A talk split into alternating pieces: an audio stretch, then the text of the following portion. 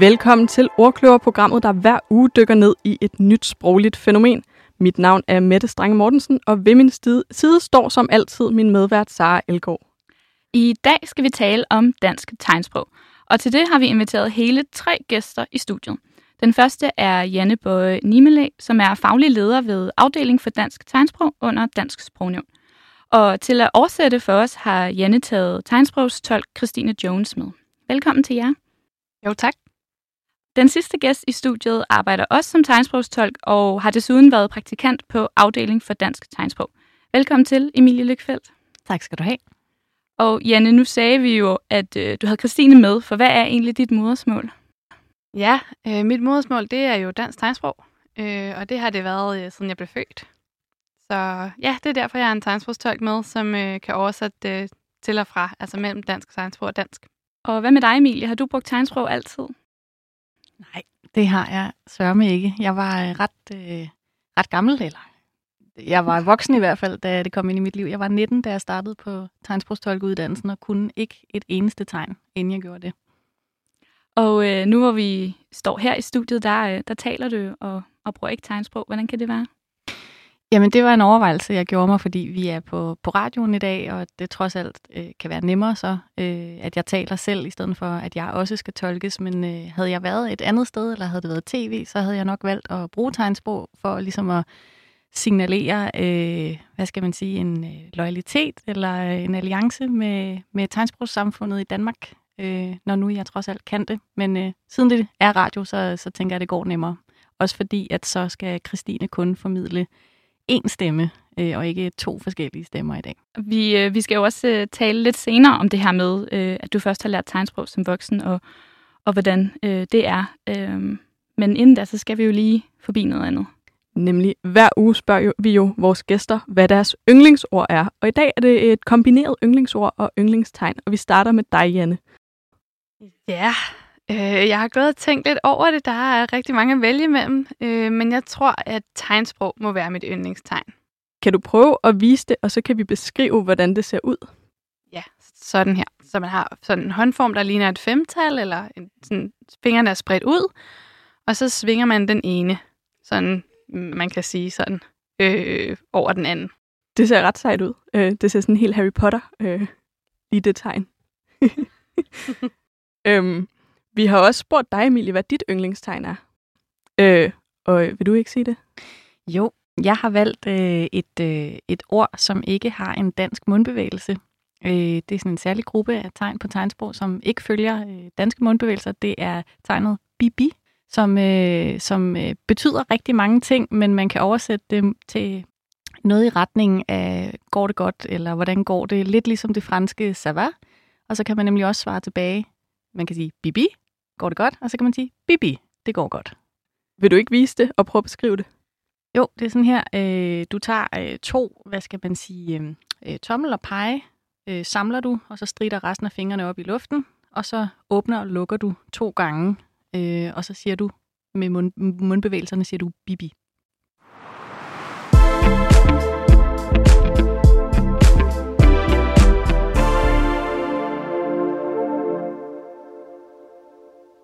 De fleste danskere har nok set tegnsprog blive talt på et eller andet tidspunkt, øh, men det er nok de færreste af vores lyttere, der taler det til dagligt. Janne, hvor mange har dansk tegnsprog som modersmål? Åh, oh, det, er, det kan være lidt svært at sige sådan helt præcist, øh, fordi der har faktisk aldrig været en, en reel sådan folketælling eller registrering af folk, der øh, bruger tegnsprog som modersmål. Øh, det har vi aldrig nogensinde haft, men vi plejer at sige omkring en mellem 3500 og 4500 deromkring. Kan man så tale om dansk tegnsprog som et selvstændigt sprog? Det kan man. Det er noget helt andet end dansk talesprog, faktisk. Øh, selvfølgelig så kan man ikke udelukke, at der er påvirkning fra dansk, øh, men det er et selvstændigt sprog, ja. I det her program, når vi skal adskille mellem tegnsprog og det øh, sprog, der kommer ud som lydbølger, så kalder vi det, at vi kalder tegnsprog for tegnsprog, og så det, vi taler for lydsprog. Øhm, og nu, nu var du inde på, Janne, det her med, at, at tegnsprog tager nogle ting fra det, fra det danske lydsprog. Øhm, men hvordan adskiller tegnsprog sig fra lydsproget? Åh oh, ja. Yeah. Faktisk så øh, rent syntaktisk eller grammatisk, øh, så adskiller det sig blandt andet. Og også, øh, det adskiller sig også fra lydsprog i, at øh, vi har det, der hedder samtidighed på tegnsprog. Det betyder, at øh, vi kan sige to forskellige tegn med hver sin hånd samtidig. Øhm, det kan man jo ikke på lydsprog, naturligvis. Man kan ikke sige to ord samtidig. Øh, der er man ligesom nødt til at sige dem efter hinanden, et efter et, men det kan vi på tegnsprog. Vi kan sige flere ting samtidig. Øh, for eksempel kan man sige træ med den ene hånd, og så fælde med den anden hånd. Øh, så den ene hånd eller arm repræsenterer træet, og den anden hånd repræsenterer for eksempel en økse. Øh, så ja, det er et eksempel på det. Plus, øh, plus at vi også øh, har, øh, vi har jo 3D, kan man sige. Vi har det, der kaldes et tegnrum øh, at bevæge os i. Øh, så vi kan også vise, hvor øh, tingene placerer sig i forhold til hinanden. Øh, og det gør, at man kan sige, øh, noget, der på dansk vil være meget langt, eller på dansk lydsprog vil være meget langt, øh, rigtig hurtigt. Jeg bemærker også mimikken, når du øh, taler. Øh, er der noget med mimikken i tegnsprog? det er der bestemt. Det er jo godt fanget. Øh, ingen tvivl om, at øh, mimikken er, øh, er mere vigtig på dansk tegnsprog, end det er på lydsprog. Selvfølgelig bruger folk, med, der taler lydsprog, også øh, altså, mimik, ikke? og man har intonation og alt muligt. Men det er faktisk vores intonation på, på tegnsprog. Man kan se, om folk øh, udtrykker noget, noget glæde eller noget tristhed øh, i deres mimik, i stedet for at man vil høre det på stemmen i lydsprog. Altså hvis jeg må byde ind også, så kan man også sige, altså sådan helt kort opsummeret, at alt det, vi bruger lyd til at udtrykke på talesprog, det bruger du hænder og krop og ansigt til at udtrykke på tegnsprog. Så det kan også være sådan en talevolumen, altså sådan, man kan viske ved at gøre bevægelserne mindre, for eksempel? Ja, lige præcis. Følger mimikken altid udtaleformen? Nu havde Emilie sit yndlingsord bibi med. Øh, er der andre eksempler, hvor det ikke følger lyddansk? Ja, der er en hel del. Øh, først så har vi den gruppe af tegn, som Emilie nævner her med blandt andet bibi. Der er flere af den type tegn. Øh, der er det her tegn, jeg viser nu, som har en mundbevægelse, der ligner tøp, øh, som betyder sådan, yes, fedt for mig, eller noget i den stil. Øh, så har vi en anden gruppe af tegn, som øh, afbildet, der hedder afbildende tegn. Øh, som for eksempel det her træ. Øh, så kan man vise en, en bil, der kører forbi træet, øh, eller en person, der går forbi træet, eller flere personer, der kommer hen til mig, eller, eller den slags. Øh, så det er jo også noget, der adskiller sig fra lydsprog, faktisk. Har vi flere ting? Ja, men, men man kan i hvert fald tilføje, at hvis man viser den her bil, altså så siger man ikke på munden, og så kom der lige en bil kørende rundt om træet. Altså så, så viser du det bare, eller du kan måske have en på, på munden, eller forskellige ting. Øhm, så, så ja, nej, det er nok øh, primært de her tegn, hvor i Bibi indgår i kategorien, og så de her afbildende tegn, hvor det bare overhovedet ikke følger danske mundbevægelser. Øh, så, så jeg har da hørt nogle af mine venner sige, når de sidder og følger med i coronapressemøderne, at de, de sidder og tænker, yes, yes, yes, jeg følger med, jeg følger med, og pludselig er det sådan, der var et eller andet, hvor der var en helt anden mundbevægelse, eller det, det, hvad var det for noget? Og det kan jo så både være, fordi det har været en af de her tegn, der ikke følger øh, de danske mundbevægelser, men det kan jo også have været, fordi at tolken har været i gang med noget, hvor syntaksen har været helt anderledes, og de dermed er i gang med en helt anden del af sætningen, end det, man hører i øret. Fordi der jo så også er forskydningstid på, når vi tolker, så det er også, når Christine står og tolker her, så er hun altid lige et eller andet sted mellem 1 og 5, 7, 8 sekunder bagud. Så det er derfor, hvis man sidder derude og tænker, øv, jeg kunne ikke følge med alligevel, så er det derfor. Og så er der vel også samtidighed, som vi lige snakkede om, at det jo også gør, at man ikke kan have de samme bevægelser hele tiden. Altså følge med på den måde. Helt præcis. Øh, så kan man jo også sige, altså der er, man kan have et tegn, og så kan, det have, så kan det her samme tegn på hænderne have forskellige mundbevægelser, og de mundbevægelser kan ændre betydningen, eller øh, tillægge den en betydning af intensitet, eller gentagen, eller afslappethed. For eksempel kan man sige skrive sådan her med den her mundbevægelse, sådan lidt trutmund mundbevægelse, øh, som betyder, at man tager det stille og roligt, eller man kan gøre det med den her mundbevægelse, der ligner et i, som betyder, at man er virkelig stresset over det, man skriver. Så ja, der er også øh, forskellige mundbevægelser, der sådan tillægger tegnet en betydning, eller siger, hvilken situation man er i, når man siger tegnet. Og det er en af grundene til, at jeg ikke er særlig bange for at miste mit job som tolk lige forløbig til, til fordel for robotterne. Fordi øh, der er jo nogen, der prøver en gang imellem at opfinde en handske, der kan aflæse tegnsprog. Hvor jeg tænker, det er fint nok. Altså for det første ser man, at de prototyper, der findes nu, ikke er særlig gode til at aflæse noget som helst i det hele taget. Men hvor jeg også tænker, jo jo, men den her handske kan jo ikke aflæse, om det er et i på munden, eller om det var trutmunden på munden. Så der, der går simpelthen så meget tabt, så øh, der, der går lige noget tid, før robotterne overtager øh, tegnsprogstolkenes arbejde. Det er vel ligesom, når man hører Google Translate sige, altså den der helt to- toneløse måde at udtrykke sig på. Der, der mangler teknologien nogle ting. Ja. Øhm, lad os øh, gå øh, lidt videre øh, til, til de specifikke tegn. Nu har vi set tegnet for træ, som ligesom er, at man tager sin hånd op, og så spreder man fingrene. Og det kan man jo godt visuelt forestille sig, at det er et træ. Øhm, men hvad består et sådan tegn af i, i grundformen, hvis man kan sige det sådan? Øh, vi plejer at sige, at vi har, øh, sådan lidt afhængig af, øh, hvem man spørger, hvilken teoretiker man spørger, hvilken lingvist man spørger, øh, men mellem 3 og 5 parametre. Øh, en er håndformen, selve håndformen. Øh, og der har vi cirka 60 forskellige håndformer. Øh, og det andet parameter, det er bevægelsen. Øh, om det går op eller nedad, eller til den ene eller den anden side, frem i rummet, tilbage i rummet, rundt om sig selv, eller hvordan det gør. Så har vi det tredje parameter, som er sted. Altså hvor, øh, hvor tegnet udføres. Det kan være for eksempel tegnet for rød, udføres øh, mellem øh, underlæben og hagen, eller tegnet for mor udføres på panden. Øh, så det er de tredje parametre. Øh, så, så er der også orienteringen af, af hånden. Det er lidt med i, i stedet her som det tredje parameter. Så, øh, og de tre ting kan, kan udgøre et tegn. Øh, så kan man så snakke mundbevægelser, mimik, som, som er nogle, nogle ting, vi har ved siden af. Øh, kan man tale tegnsprog med kun én hånd? Altså hvis nu man brækker sin hånd, eller taler i i, øh, altså har en, noget i den anden hånd.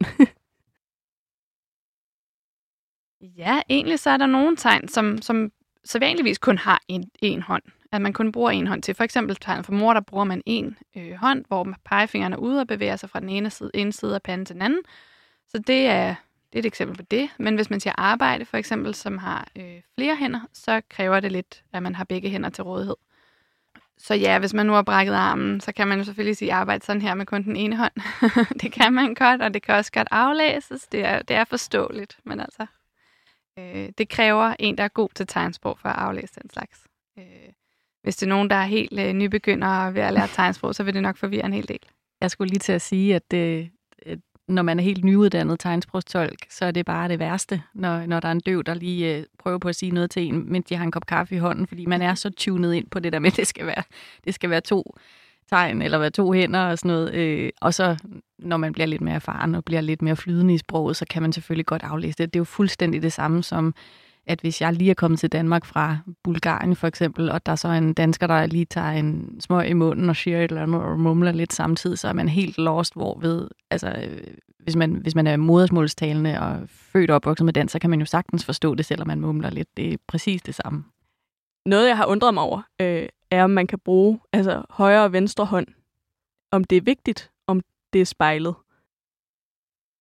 Øh, ja, altså der har vi jo noget, der hedder den dominante hånd og den ikke-dominante hånd, plejer vi at skelne imellem. Øh, og det kan jo så være venstre eller højre, afhængig af, hvem man er som person. Øh, nogen skriver med venstre hånd, og øh, så tegner man ofte også med venstre hånd, eller bruger den, dominante, den venstre hånd som den dominante hånd i tegnsprog, øh, og omvendt, hvis man er højrehåndet, ikke? Øh, så, så sådan er det, men øh, den ikke-dominante hånd, det betyder ikke, at den hånd ikke er vigtig, Øh, der, det har faktisk ofte en ganske vigtig rolle i, øh, i samtaler.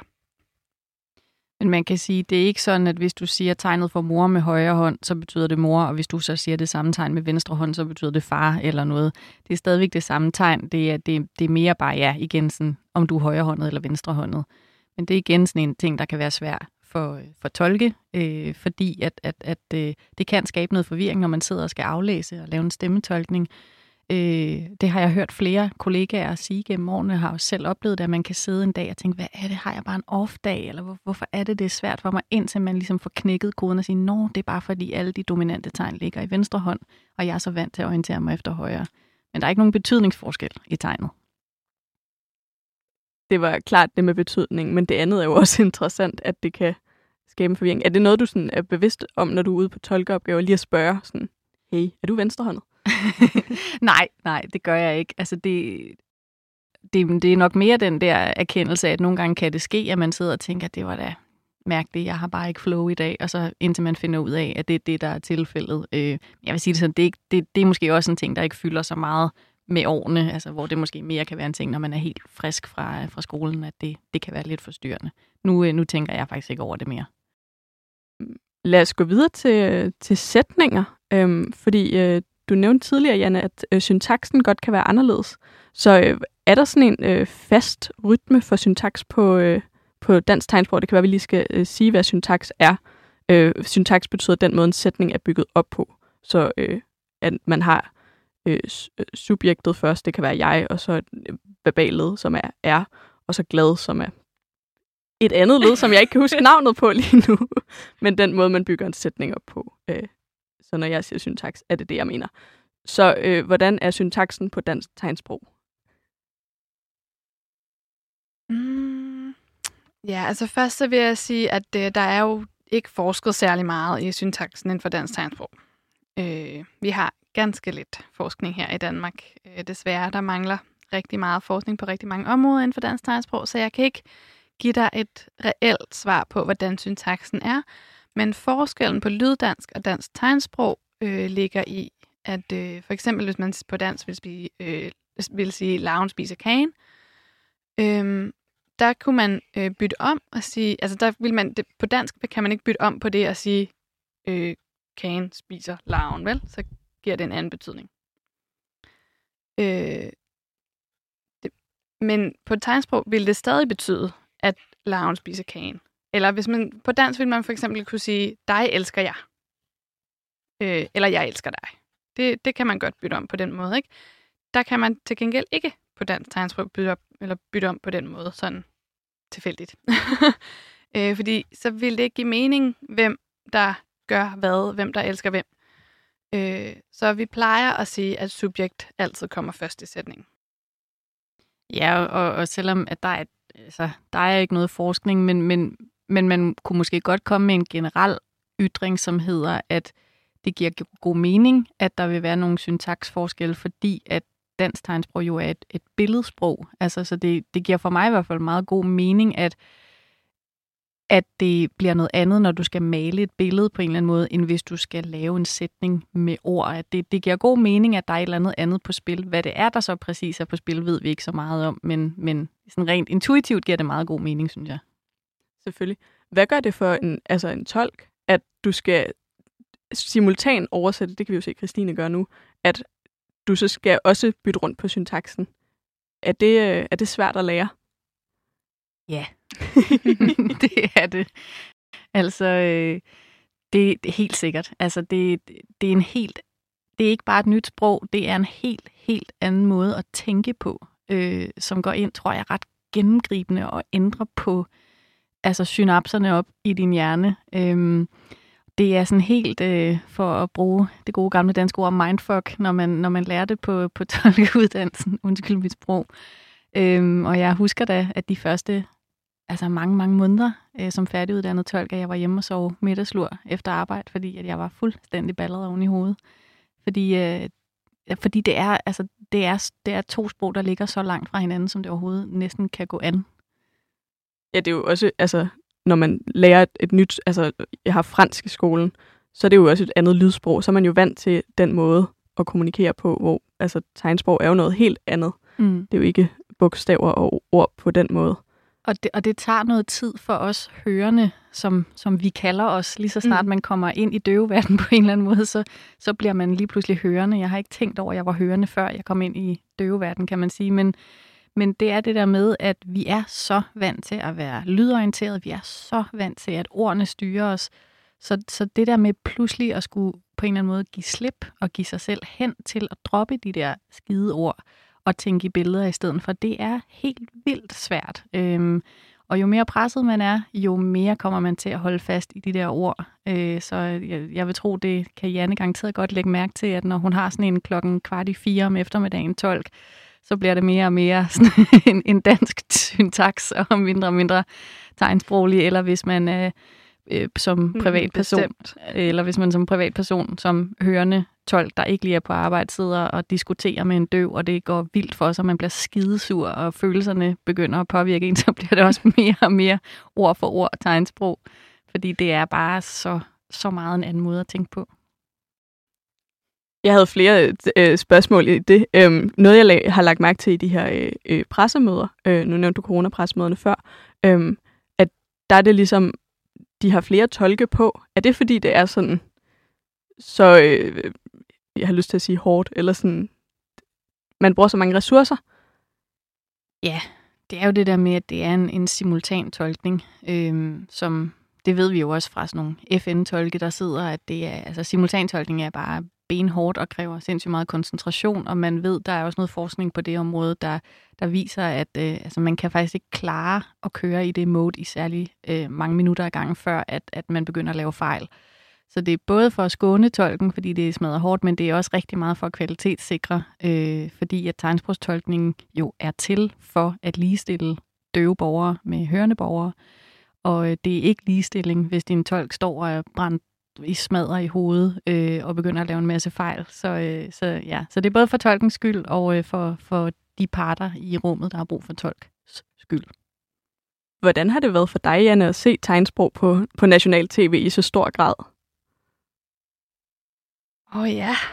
Øh, altså, jeg synes, det var på tide egentlig. Det er nok det, jeg tænkte. Øh, fordi i andre lande, der er begyndt det, altså er det jo, har man haft det meget længe også i Europa. Øh, vi er kun lige begyndt her i Danmark. Øh, så det er selvfølgelig sådan lidt tragikomisk, kan man sige, at øh, dansk tegnsprog har fået så meget opmærksomhed på grund af lige netop en situation som corona. Så der har været nogle positive sider ved corona i hvert fald. Ja, for håndspritproducenterne og for tegnsprogstolkene har det været en god ting med corona. ja. Øh, du nævnte også før, Janne, at forskningen på området er ret ny øhm, afdeling for dansk tegnsprog, som, som du er faglig leder for, øh, det er fra 2015, ikke? Er det der, den nyeste jo, forskning er. er fra? Eller øh, forskningen i dansk tegnsprog sådan for alvor er begyndt? Øh, faktisk så øh, forsker vi ikke på afdelingen for dansk, øh, dansk tegnsprog, øh, ligesom de gør på afdelingen for dansk under dansk tegnsprog, eller undskyld, dansk sprognævn. Øh, der foregår en masse øh, forskninger, og de her forskningsprojekter, det har vi ikke. Øh, vi, er, vi har en formidlerrolle hos os, øh, så vi formidler andre forskers materiale. Øh, men der har været forskning siden sådan 1980'erne cirka frem efter. Øh, vi har en, øh, en doktorfil øh, inden for dansk tegnsprog, øh, der hedder Elisabeth Engberg Petersen. Øh, og hun har bedrevet øh, forskning. Hun har blandt andet udgivet en bog om øh, dansk tegnsprog med, med udpluk af, af sin forskning. Okay, så, så det har fandtes og, lidt. Og, og, og der er altså også, øh, der er også andre selvfølgelig, skal nævnes. Der er også øh, andre mindre forskningsprojekter og andre forskere. Det er ikke kun Elisabeth Enberg Petersen, vi har. Der er andre. Men når man er Dr. Fil, har man nok været i gang længe, kan jeg forestille mig. Det har hun. øhm, lad os hoppe tilbage til syntaksen, øhm, fordi øh, når du skriver sms'er til, til andre øh, døve, eller ja, andre generelt, Janne, bruger du så dansk tegnsprogssyntaks eller dansk lydsprogssyntaks? Øh, altså, primært vil jeg bruge dansk lydsprogssyntaks, ikke? Øh, fordi dansk for mig er jo et andet sprog, skal siges. Øh, så ja, jeg veksler mellem, mellem de to sprog til hverdag, ikke? Øh, når jeg skriver og så videre, så det er jo på dansk. Øh, men selvfølgelig kan man ikke undgå, at der nogle gange sådan sniger sig lidt tegnsprogselementer ind, øh, når man lige sender en sms. øh, for eksempel Bibi, som du snakkede om før, det tegn. Øh, det skriver vi øh, ofte bare B-I-B-I, spørgsmålstegn, og så er det en sms. øh, så så ja, der sniger sig da en par ting ind imellem. Også, også for mig skal det lige sige, selvom jeg ikke er vokset op med dansk tegnsprog, der er bare nogle ting, som tegnsprog gør bedre end dansk, og så øh, tager man dem og bruger og bliver smadret irriteret, når ens hørende venner ikke forstår, når man siger bibi, eller er det bi, alt bi. Så øh, ja, det sker også for mig. Det er også et vildt godt ord, Bibi. Ja. Jeg kan virkelig godt lide det. Det er super hyggeligt. Øhm, vi øh, startede med at spørge dig, Anne, hvad dit modersmål er. Men hvad vil du så sige, dit andet sprog er? Det må være dansk. Det er dansk. For vi ved nemlig, at der også findes øh, andre tegnsprog, og det skal vi snakke om lige om lidt.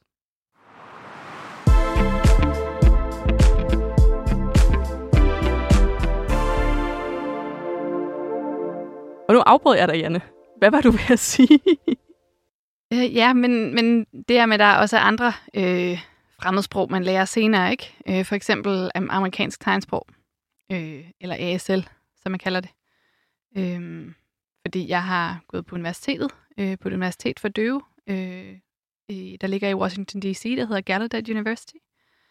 Øh, der har jeg studeret et år øh, tidligere, så derfor kan jeg amerikansk tegnsprog. Øh, og så kan man sige, så har jeg også finsk. Jeg, har, jeg er gift med en finsk mand, øh, så jeg har lært lidt finsk tegnsprog af den vej. Og sådan, ja, så der er lidt forskellige sprog indover. Ja, øh, der findes også andre danske, øh, ikke tegnsprog, kan jeg øh, forstå, når jeg læser op om det, men det kan det ligne for det utrænede øje. Øhm, og et af dem er det her øh, tegnstøttet kommunikation, eller TSK. Øhm, kan du ikke fortælle lidt mere om, hvad det er, og hvad forskellen er? Jo. Øh, TSK, øh, det er det, der hedder tegnstøttet kommunikation. Øh, og som Emilie også nævnte før, så øh, for eksempel hvis man har siger træ, og så har man en tegn for bil, øh, så vil man ikke sige, at bilen kører rundt om træet på, på, med mundbevægelser. Men på TSK, der gør man faktisk det, at man tit øh, følger den danske grammatik med, med mundbevægelserne. Så jeg vil sige, at jeg kører bil rundt om og drejer til venstre og så videre på munden, øh, og så sætter jeg støttetegn ind hist og pist. Men det følger den danske syntaks fuldstændig. Øh, Og det er, det er typisk øh, folk, som har mistet hørelsen senere i livet, der, der bruger det, øh, som har dansk som modersmål, øh, og så øh, vælger nogle øh, tegn ud fra dansk tegnsprog og, og kommer i som, som støtte i deres sprog. Men det er jo klart dansk tegnsprog, der så bliver brugt mest i Danmark, eller hvordan?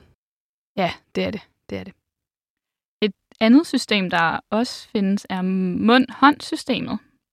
MHS. Vil du fortælle lidt om det også, Janne? Uh-huh. Nå.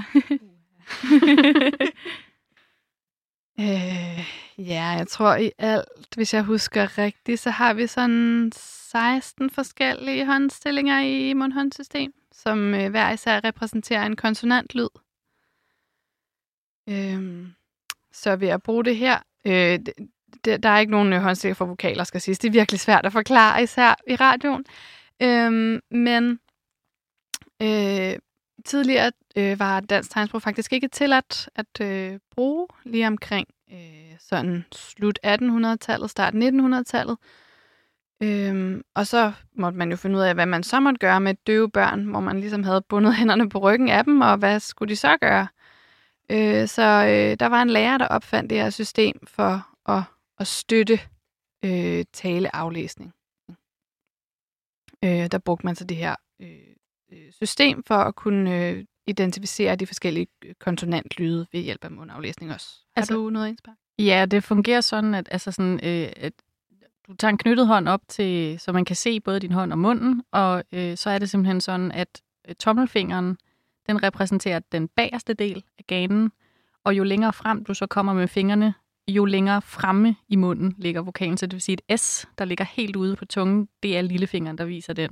Og så er det, du snakker, så hvis jeg skulle gøre det nu, nu kan I så ikke høre, hvorfor jeg snakker så åndssvagt i radioen, men så er det fordi, at jeg prøver at tale langsomt, og med mine fingre samtidig så synkront med, at jeg taler, viser, hvad er det for en vokal, jeg siger lige nu. Øh, og da jeg sagde uha før, da I sagde mundhåndsystem, så er det fordi, at øh, Christine og jeg, vi er en af de aller, aller sidste årgange, der også simpelthen er uddannet til at være mundhåndsystemtolk, hvor man simpelthen skulle lave en hel tolkning kun på det her mundhåndssystem, som bare er vanvittigt svært, og lige til at give dig øh, seneskidhedebetændelse efter en, en halv time. Øh, og der er ikke så mange, der bruger det mere i dag. Er det ikke rigtigt, Janne, at det er sådan... Altså Jo, især de unge jo, er døve er ikke så glade for det. Ja, lige præcis. Unge øh, har fuldstændig fravalgt mund, mundhåndsystemet. De bruger håndalfabet i stedet for. Ja, og man kan jo diskutere, øh, om, om det også handler om, at som Janne siger, at mundhåndssystem ligesom er født at, øh, ud fra noget, altså hvor der var noget politisk, eller noget, altså hvor man shamede lidt på tegnsprog, så, så, så, så, så for, øh, for døve, der er stolte af at have tegnsprog som modersmål, jeg ved ikke, Janne, om du tænker, om, om mundhåndssystem lidt har sådan nogle skygger fra fortiden, om det måske også er derfor, at, det, at der ikke er så mange unge, der bruger det? Det kunne godt tænkes, men der er jo stadig mange ældre tegnsprogstalende, som er meget glade for mundhåndssystem. Ja, altså, vi har begge, begge systemer, ikke? Det er og håndalfabetet egentlig. Øh, altså til at, til at gengive øh, for eksempel vores navne, eller bynavne, eller øh, krydderinavne, eller hvad man, hvad man har, ikke? Øh, så hvis man gerne vil indlåne et eller andet ord fra dansk, så har man de to valgmuligheder. Øh, de to systemer vælger vælge. Og det har en klar fordel, når man sidder og tolker i hvert fald, og det er, at hvis du hører et eller andet fuldstændig volapyk latin ord blive sagt i en forelæsning, for eksempel at du ikke ved, hvordan det staves, så kan du gå på, hvordan det lyder. Fordi det er det, som der er med mundhåndsystemet, det er en, det er en visuel gengivelse af noget fonetisk, ikke en stavemåde. Så det er en helt klar fordel, men altså, man brækker nærmest hånden på det, men, men, men ellers er det smart. Så de lever lidt parallelt, men den ene, altså øh, dansk tegnsprog er klart i, i front. Ja, håndalfabet, tænker du. Øh, Ja. Ja. Det, det tror jeg det, jeg tænker. øhm, altså håndalfabetet, er det bare stave med... Altså man har jo tegn for øh, alle bogstaverne, mm. ikke? Det er det, ja. Lige præcis. Det er bare stavning. Øh, så begge systemer er jo egentlig en del af dansk tegnsprog, kan man sige. Ikke? Dansk tegnsprog er ligesom det store moderskib, øh, hvor vi har de afbildende tegn, og vi har håndalfabet, og vi har mundhåndssystem, og vi har alle de her elementer. Nu nævnte vi lige navne. Øhm, hvis man skal introduceres for en med et, altså, et nyt... Altså for eksempel, vi kender ikke hinanden. Så når jeg så siger, at jeg hedder Mette, vil man så bare stave det? Det vil man. Man vil stave eller bruge mundhåndssystem. Sjovt. Øhm, jeg, jeg ved, at, øh, at man, når man så er døv, så får man ligesom et tegnnavn. Er det ikke rigtigt forstået? Det gør man. Gør man. Jeg hedder for eksempel Janne sådan her med at pege på min kind, fordi jeg havde smilehuller, da jeg var lille. Nå, hvor sødt. øhm, det er jo også en fin ting at have, have med fra altså, døvekulturen, at det jo ikke, at der er nogen, også nogle ting, der vi ikke får i det hørende samfund.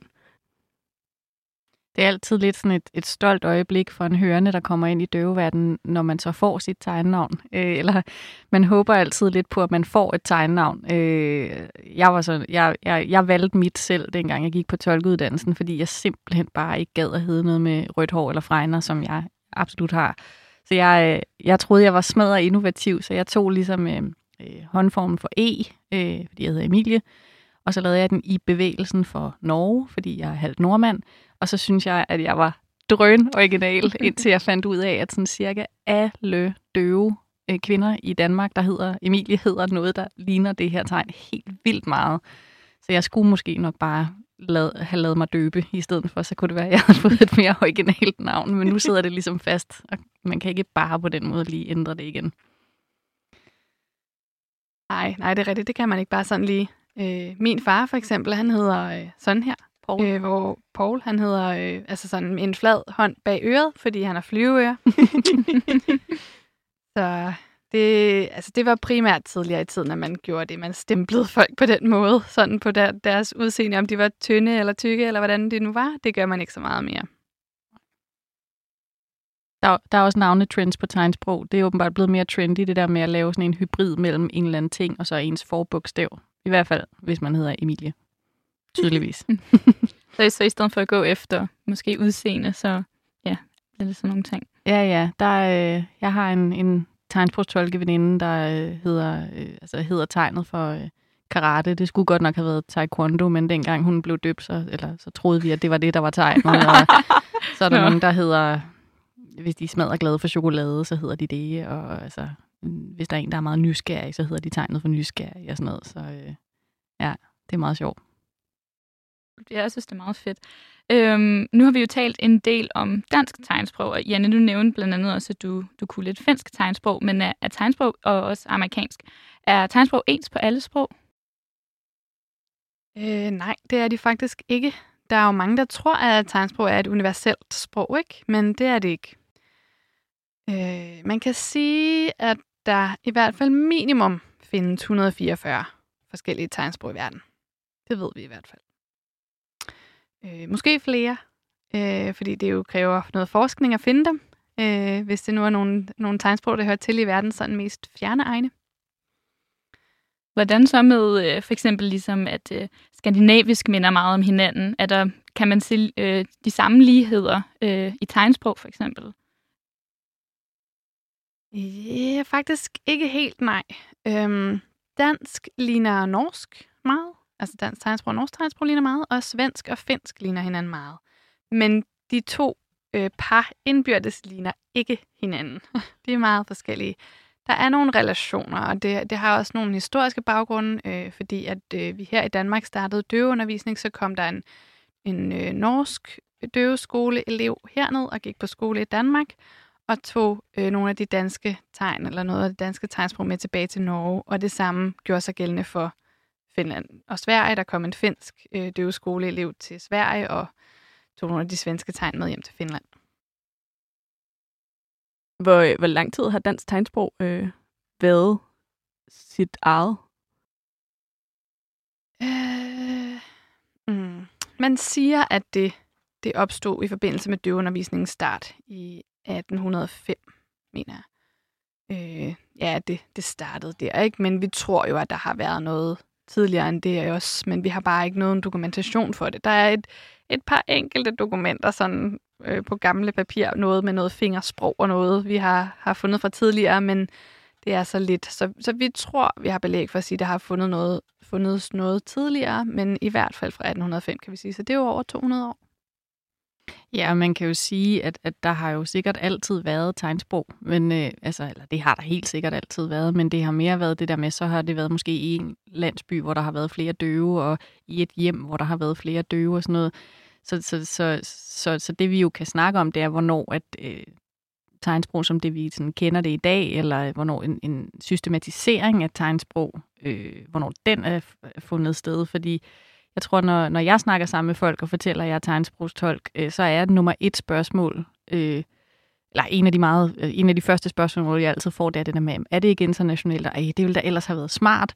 Hvor jeg jo så må sige, jo jo, men det var jo ikke, fordi man satte sig rundt om et bord i 1702 og sagde, skulle vi aldrig lige opfinde tegnsprog? Altså det har jo altid været der og er opstået helt naturligt, ligesom alle andre sprog, men som Janne siger, netop det der med, det vi kan snakke om i forhold til, hvornår det er opstået og sådan noget, det er, hvornår at det blev altså sat, altså sådan sat i system, eller hvornår man sådan mere officielt begynder at forholde sig til sproget, tænker jeg. Er du enig, Janne? Ja, præcis, præcis. Det er netop det der med systematiseringen, ikke? at den starter der omkring. Øhm, og også, ja, døveskolen var jo, det var en kostskole ofte, ikke? Øh, så, så det var jo der, øh, døve samledes, og det, øh, nogle af eleverne har, har jo haft døve forældre derhjemme, som har overleveret sproget til dem, og nogen har haft nogle døve søskende hjemme, som har brugt lidt tegn sammen, og så har man ligesom udviklet et sprog af den vej, ikke? At det er blevet udvekslet der på døveskolen. Det er jo det samme, altså når elever tager på efterskole, så laver de jo også et sprog sammen. Det her så i større grad, men, men det er nok sammenligneligt. Mm. Øhm, kan man se direkte indflydelse fra andre tegnsprog i dansk tegnsprog? Uh, ja, det, det kan man. Øhm, tror, ASL er nok sådan øh, det, vi har flest lån fra. Øh, og det er øh, ikke BSL, skal, skal, skal lige siges. Det er britisk tegnsprog, som er noget helt andet end amerikansk tegnsprog. Øh, der har vi ikke så mange lån fra. Øh, men fra ASL har vi en hel del. Det har faktisk en ganske stor indflydelse på dansk tegnsprog, ja. ja. Det, det er jo lidt det samme situation som med lydsprogene, ikke? Der er en masse lån. Det kan man sige, det var øh, det er lidt ærgerligt for mig, fordi at øh, under min tolkeuddannelse, så tog jeg et års overlov og tog til England øh, for at lære engelsk tegnsprog. Ja, fordi jeg tænkte sådan, nå, nå, altså same, same, potato, potato. Øh, det var det bare overhovedet ikke. Altså her i Danmark i hvert fald har BSL slet, slet, slet ikke øh, samme fodslag, som amerikansk tegnsprog har. Og der kan vi snakke om det, vi snakkede om tidligere med to hænder, øh, om det er vigtigt, om du har begge hænder, fordi deres måde at stave på er et tohåndsstavesystem, så der skal du have begge hænder øh, for at kunne stave. Og øh, britisk eller amerikansk? Britisk, britisk. på britisk, ja. ja. Øhm, så det kan jeg stadigvæk, og kan simpelthen ikke bruge det til noget som helst, fordi der er det sådan, at hvis du så har en kop kaffe i hånden, så er du bare lost. Øhm, eller brækker armen. Eller brækker armen, ja, præcis. Det, øhm, det, det er sådan noget, man kan gå og more sig lidt over, og det tror jeg da også, der er sådan nogle døve her i Danmark, der går sådan, nej, de der tossede englænder med deres tohåndssystem, altså. ja. ja, der er også øh, der er sådan en vidighed, vi altid øh, til, at øh, de britiske døve, de, øh, de får ofte deres kufferter stjålet. Oh, ja.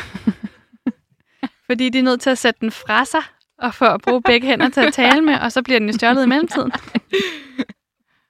Det har de ikke gjort tyverisikret. Et meget lidt tyverisikret tegnsprog.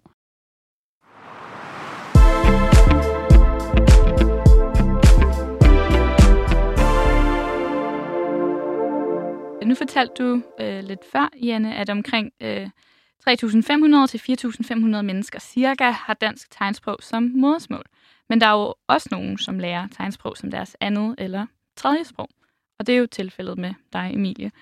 Øh, som du sagde tidligere, så lærte du tegnsprog som, som voksen, hvad har jeg lyst til at sige, som 19-årig. øhm, og lad os, øh, lad os starte ud med at høre, hvorfor du gerne vil lære tegnsprog. Åh, oh, Jamen, det er jo så der, hvor jeg ville ønske, at jeg havde sådan et mega fedt svar.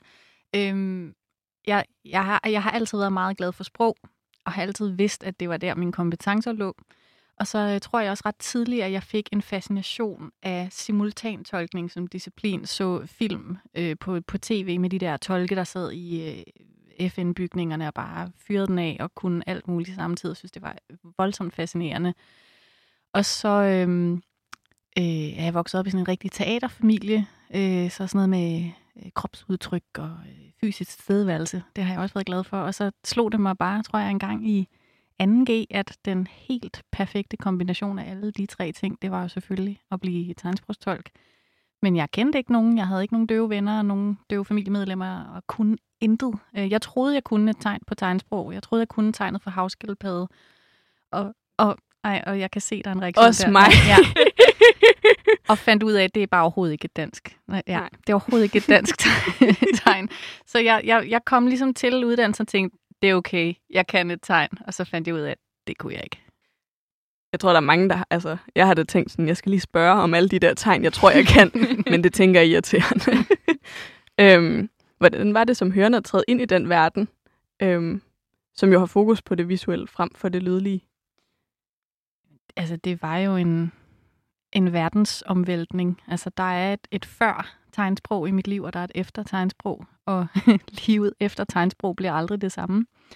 Øhm, dels fordi, at man jo får, får åbnet op til en kultur og et samfund, et miljø, som man ellers ikke har adgang til, og som er lidt usynligt. Øh, sådan et, øh, et, et hemmeligt samfund.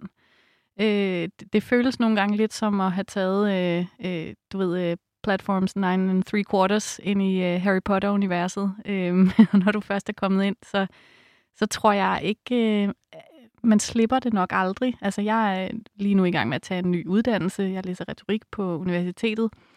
Øhm, fordi jeg også gerne vil prøve nogle andre ting. Og så er der jo så mange, der spørger mig om, om hvad så, når du faktisk er færdig med den her uddannelse.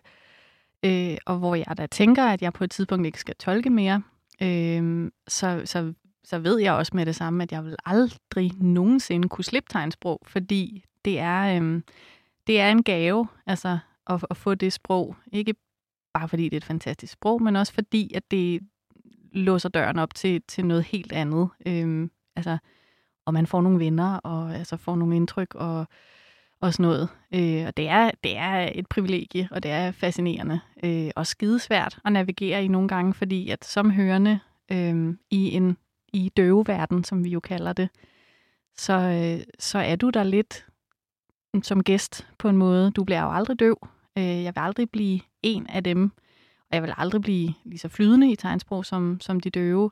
Men jeg, jeg kan heller aldrig nogensinde gå tilbage til bare at være helt almindelig hørende, øh, som, som vi døve og tolke sammen kalder alle jer øh, lægmænd, der ikke ved øh, noget om, om vores verden. Nu tillader jeg mig at sige vores verden. Jeg føler jo, jeg er en del af den på en eller anden måde. Men altså, så det var, det var stort at lære det. Hvordan jeg tænker, at øh, mange af os øh, kan måske sammenligne det på en eller anden måde, uden rigtig at kunne, men alligevel det her med at, at lære et, øh, et fremmedsprog, for eksempel, vi lærer alle sammen øh, enten tysk eller fransk eller så videre i skolen. Øhm, det tænker jeg også, du, du, har, du har gjort. Hvordan var det, altså forskellen imellem de to, var, ja, nu andet end det her selvfølgelig med, at det, det er jo vise, et visuelt sprog frem for et lydsprog, men ja, kan, kan du fortælle lidt om sådan, ja, forskellen mellem, mellem at lære et, et fremmedsprog og øh, tegnsprog? Ja, altså jeg tror, det, det, altså, det jeg først og fremmest vil sige, det er, at når du som hørende lærer et nyt talesprog, så, så kender du ligesom proceduren på forhånd på en eller anden måde. Du ved lidt, hvad det er for et game, du kaster dig ud i. Og det, det gør du ikke med tegnsprog. Altså, øh, det, det er bare så radikalt anderledes. Så, så jeg var sådan en rigtig, altså jeg har altid været rigtig dygtig til at lære nye sprog, og altså, øh, jeg kom sgu på arbejde på en måde, som jeg ikke havde set komme. Øhm, og det tror jeg, der er mange, øh, når de tager tolkeuddannelsen, som tænker, åh herregud, altså det der med hænderne, det er sgu da meget nemt, og altså, hvad, hvor svært kan det være? Og det er, det er svært. Øhm, så, så ja, det er et andet game, vil jeg sige. Mm. Ja. ja. Hvad så, når du er, du er på arbejde som tolk? Hvilke, hvilke udfordringer møder du så? Vi har lidt været inde på noget, for eksempel med, hvis det er en venstrehåndet.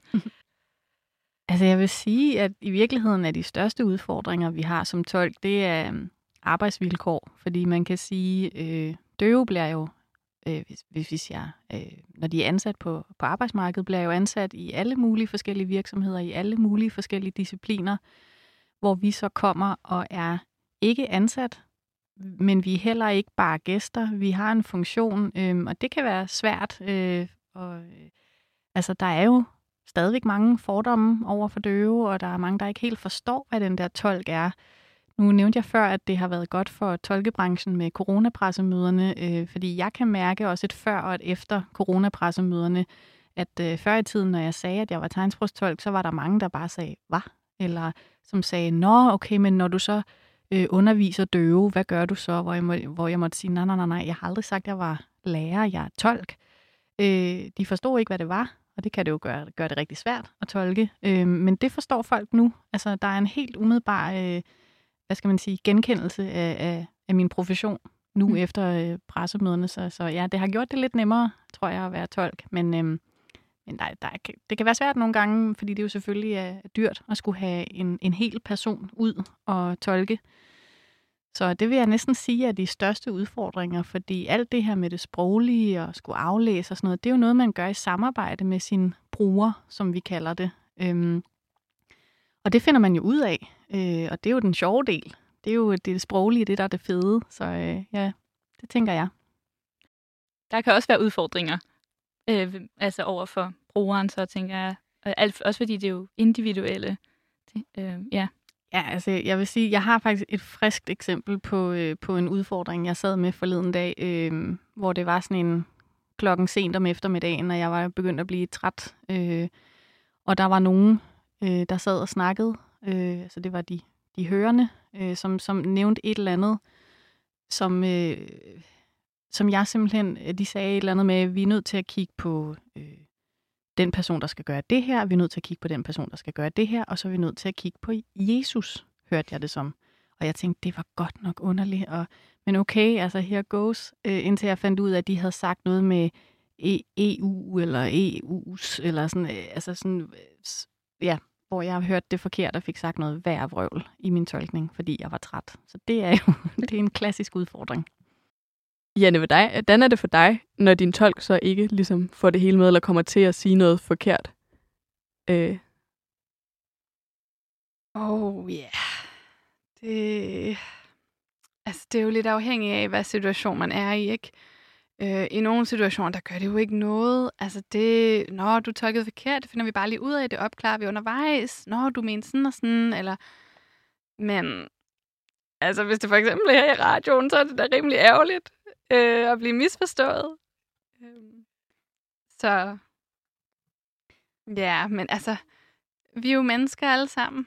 Altså, og nogle gange så går der glips i kommunikationen, og sådan er det jo bare, og vi vil jo også gerne have, at, at tøjkene har det godt af bi. at, øh, og, og at folk ikke får det forkerte indtryk af os, og af tegnsprogstalene. Man kan sige, at det er en af, de store grunde til, hvorfor det er så vigtigt, at der er nogle ordentlige arbejdsvilkår øh, for os tolke, fordi det jo netop ikke kun er, fordi vi gerne vil have nogle gode arbejdsvilkår, men fordi det er så enormt vigtigt, at vi ikke bliver trætte, eller at, øh, altså, whatever, fordi at at det handler ikke om os. Altså når jeg er på arbejde, hvis jeg tolker for Janne for eksempel, så er det jo, altså hvis jeg laver fejl, hvis jeg er træt, så er det jo ikke mig, det rammer, det er jo Janne, det rammer. Øh, og det er sgu da et, et problem så, ikke? Altså, øh, det, det er noget, vi ser igennem flere år efterhånden, at øh, timepriserne på tolkning er, er blevet presset ned og ned og ned, så vi tolker flere og flere timer om ugen og får færre og færre penge for det, og så bliver man træt, og det, det er et problem, ikke også for os selvfølgelig, men i særdeleshed, fordi det jo handler om inklusion, og det handler om, om ligestilling. Er der noget, som øh, hørende kan gøre for at gøre kommunikationen mellem hørende og tegnsprogstalere nemmere? Det er der. I kan lære tegnsprog. Vi går i gang med sammen. ja. Øh, ja, det kunne være dejligt, hvis man bare kunne komme til lægen, øh, som, og lægen selv kunne tegnsprog. Øh, eller hos frisøren. Det kunne være hyggeligt, at de lige kunne tage en sprog. Så kunne man sidde der og sladre lidt om øh, det der hint. Men ja. Det er en ting, men, men ellers så er det jo altså sådan, øh, hvis, at have en forståelse for, øh, at, at hvis der er en døv på en arbejdsplads, så er der simpelthen bare nødt til at være tegnsprogstolk, og det er okay at give plads til det, og ikke være bange for det, og jeg tænker, øh, lytte til den her podcast, øh, gør sig klogere, øh, spørg ind, vær nysgerrig, i stedet for at se det som et eller andet problem, eller se det som noget, der fylder. Øhm, altså, jeg, jeg har da en oplevelse af, at øh, hvis det er en døv, der bliver ansat på en arbejdsplads, jo, det er jo altid en omvæltning. Man skal lige vende sig til, at der er det her, de her hænder, der flakser rundt hele tiden, og der er den her ekstra person, eller to ekstra personer, der kommer, øh, fordi tolkene skal skifte. Og det, det er selvfølgelig spøjst, og det betyder, at vi har brug for en pause en gang i timen. Nu ved jeg ikke, hvor længe Christine har kørt efterhånden, men altså, at der er nogle ting, der ligesom er nødt til at være på plads, for at vi har nogle ordentlige arbejdsvilkår. Men med det sagt, så er min erfaring også altid, at det giver helt vildt meget. At det netop er den her portal til en anden verden. At man måske bliver bevidst om sit eget kropssprog, eller man bliver dygtigere til at være visuel, og man, man også får nogle indsigter og nogle indblik, som man ikke havde fået, hvis man ikke havde haft den her døve kollega. Så jeg tænker, at det bedste hørende rundt omkring i Danmark kan gøre for døve og for tegnsprogstolk, det er simpelthen bare at se det som en gave i stedet for et problem.